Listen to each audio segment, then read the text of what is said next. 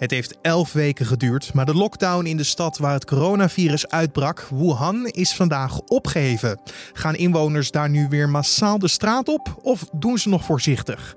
Dit staat vandaag centraal in de Dit wordt het nieuws podcast. En je moet gewoon blijven uitkijken. Dus ik heb wel de keuze gemaakt om bijvoorbeeld niet naar restaurants te gaan en om gewoon de supermarkt nog als een take-out te bestellen thuis dan hoef ik ook niet zelf naar de supermarkt toe, wat natuurlijk een uh, plek is waar heel veel mensen komen. Hoe is het daar om bijna drie maanden in quarantaine te zitten? En wat zijn nu de voorwaarden om naar buiten te gaan? We vragen het aan Jahir Potjer, die daar de hele quarantaineperiode is gebleven. Maar eerst kijken we kort naar het belangrijkste nieuws van nu. Mijn naam is Carne van der Brink. Het is vandaag woensdag 8 april en dit is de Dit wordt het nieuws middagpodcast. Voor het eerst is het aantal patiënten op de Nederlandse intensive care afdelingen afgenomen. In totaal liggen er woensdag 1408 Nederlanders op de IC. Dat zijn er 16 minder dan er gisteren lagen.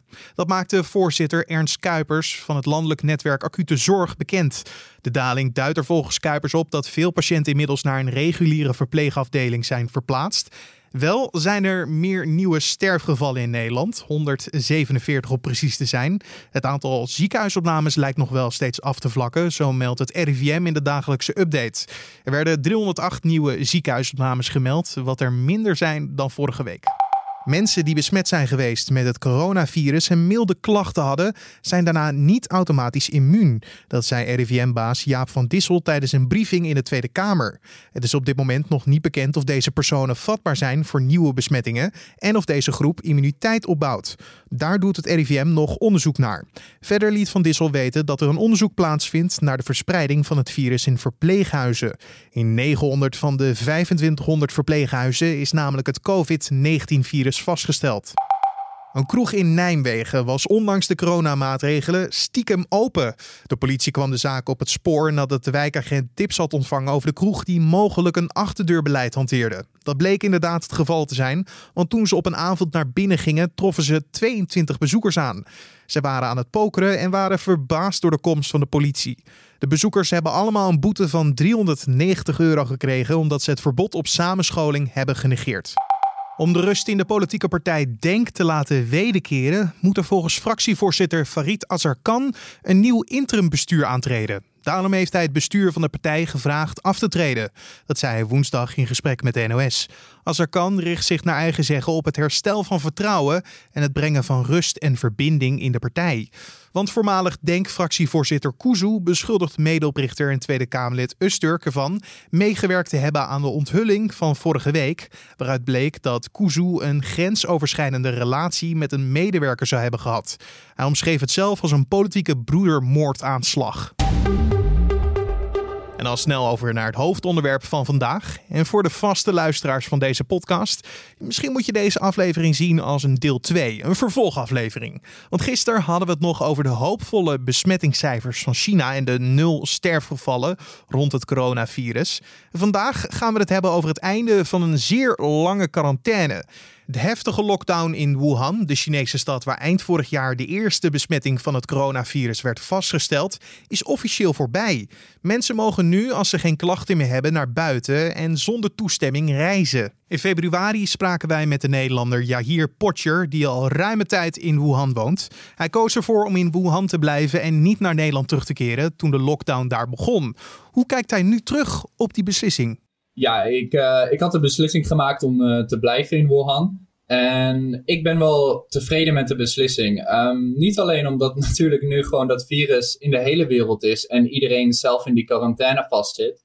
Maar ook omdat ik hier natuurlijk de tijd voor mezelf heb gehad, die ik er eigenlijk uh, uit wilde halen. Want dat was, je had een studie gedaan en je wilde jezelf verbreden. Dat kan ik me nog herinneren van ons laatste gesprek in februari. Ja, klopt. De reden dat ik hier ben gebleven was omdat ik uh, met mijn zelfstudie bezig was. En de, daar was ik gewoon nog niet klaar mee. En die wilde ik voortzetten.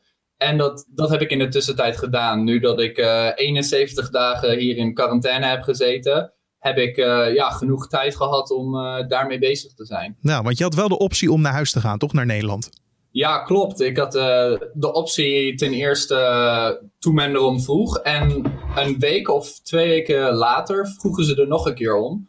Gewoon om uh, te checken. En voor mij was de beslissing al duidelijk dat ik hier gewoon bleef. Maar kan je dan ons nog even meenemen naar het moment, drie maanden geleden, opeens is Wuhan in quarantaine gesteld, een lockdown. Hoe was dat? Ja, die, uh, die quarantaine kwam erin en er was gewoon in het begin heel veel onduidelijkheid van hoe lang gaat dit nou duren en wat houdt die lockdown precies in. Maar daar kwam snel duidelijkheid in en ook de Nederlandse overheid die kwam duidelijk met het voorstel van, nou ja, als jullie terug willen, dan zorgen wij daarvoor en dan kan dat gewoon. En in de lockdown hier, dat betekent eigenlijk dat we binnen de gemeenschap die hier is, dat je daar gewoon binnen moet blijven. Dus je kan wel buiten de flat waar je zit. Maar daaromheen staat wel weer een poort dat je daar binnen die quarantaine moet houden. Want op welke manier eh, heeft de quarantaine jouw dagelijks leven veranderd? Ja, voor de quarantaine natuurlijk nam ik wel heel veel uitstapjes naar buiten toe. Ik zit natuurlijk in een hele grote stad waar er gewoon heel veel dingen te doen zijn, zoals naar parken of naar de rivier of ja, shoppen, bioscoop, dat soort dingen. Je kan echt alles in deze stad doen. En daarnaast zit je eigenlijk uh, natuurlijk gelimiteerd. En binnen de gemeenschap is niet heel veel te doen. Er is een uh, klein parkje, maar ja, that's it, om het zo maar te zeggen. En voor de rest kan je wel uh, ja, take-out bestellen. Maar dat is wel het limiet waar je aan vastzit. Want je mocht wel naar buiten, maar dan eigenlijk alleen maar voor het brood nodig, hè? De, de supermarkt en dat soort dingen. Ja, in het begin mochten we nog naar buiten. Uh, de eerste drie, vier weken konden we nog naar de supermarkt toe. En er waren nog een aantal winkels open. Maar daarna ging de lockdown echt in. En toen zaten we binnen de gemeenschap gewoon vast. En de gemeenschap hier is zeg maar tien flats bij elkaar. En daar staat dan een, uh, ja, een grote poort, een uh, hek omheen. Waar je niet naar buiten kan. Het feit dat het nu afgeschaft is, hè, die hele lockdown, eh, in hoeverre hing het altijd in de lucht?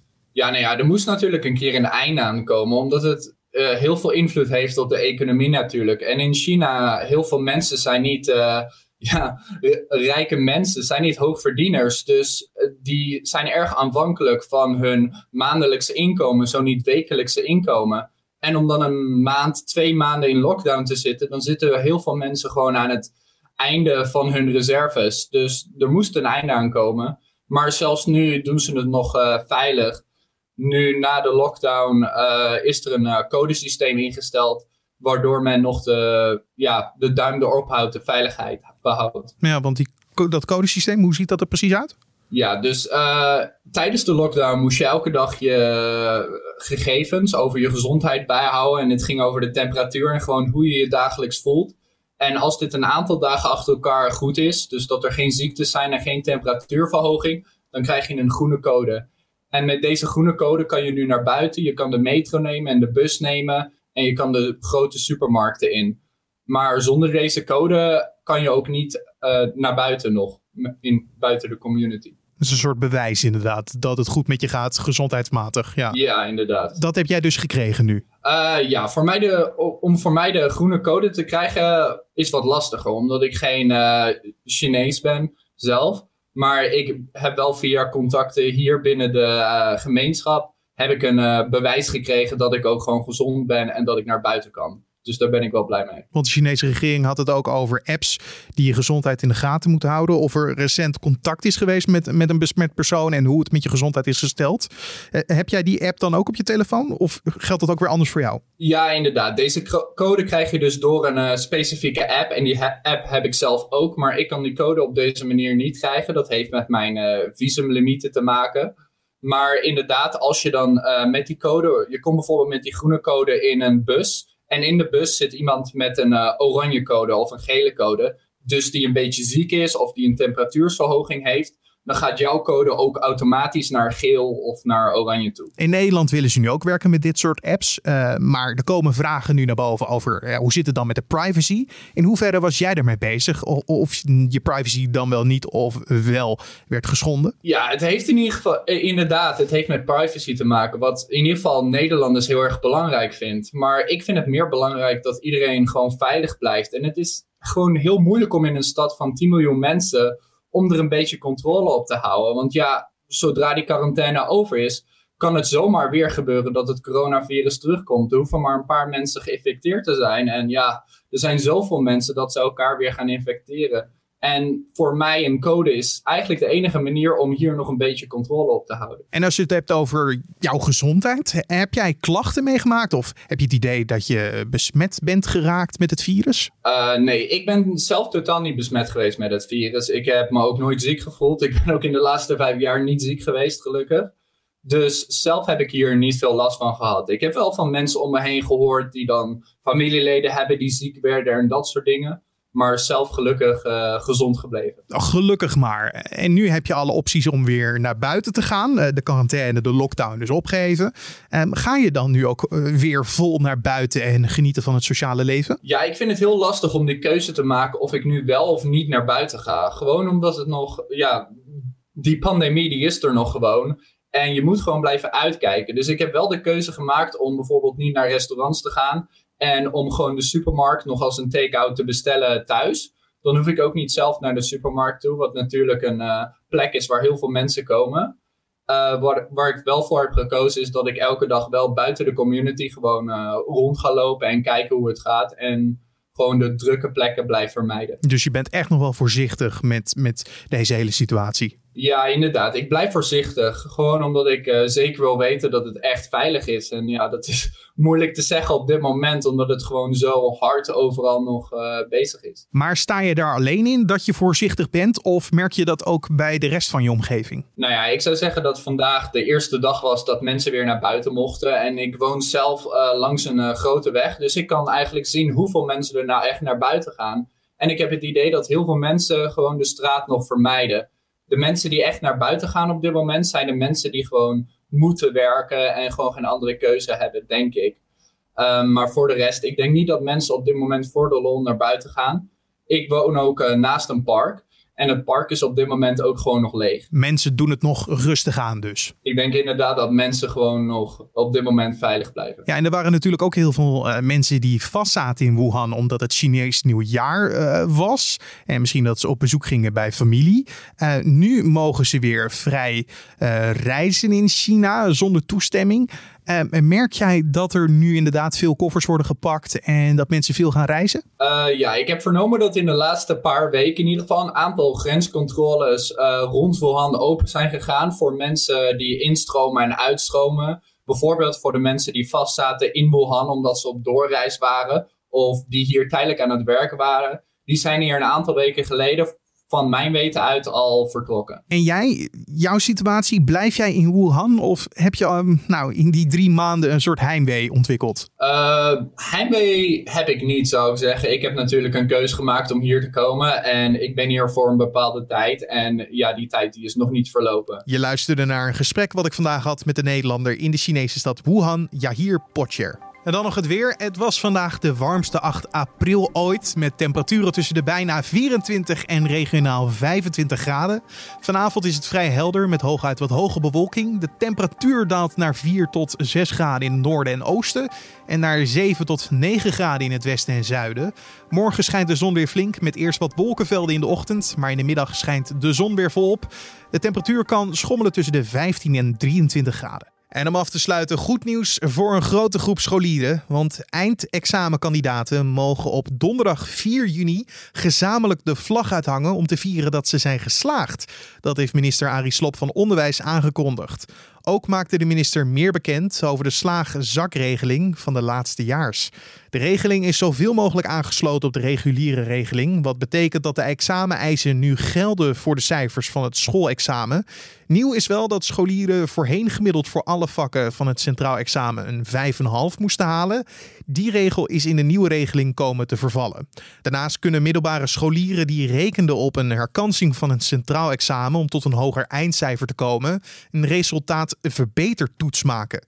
Deze toetsen worden vanaf 4 juni afgenomen. En dit was dan de Dit wordt het nieuws podcast voor deze woensdagmiddag 8 april.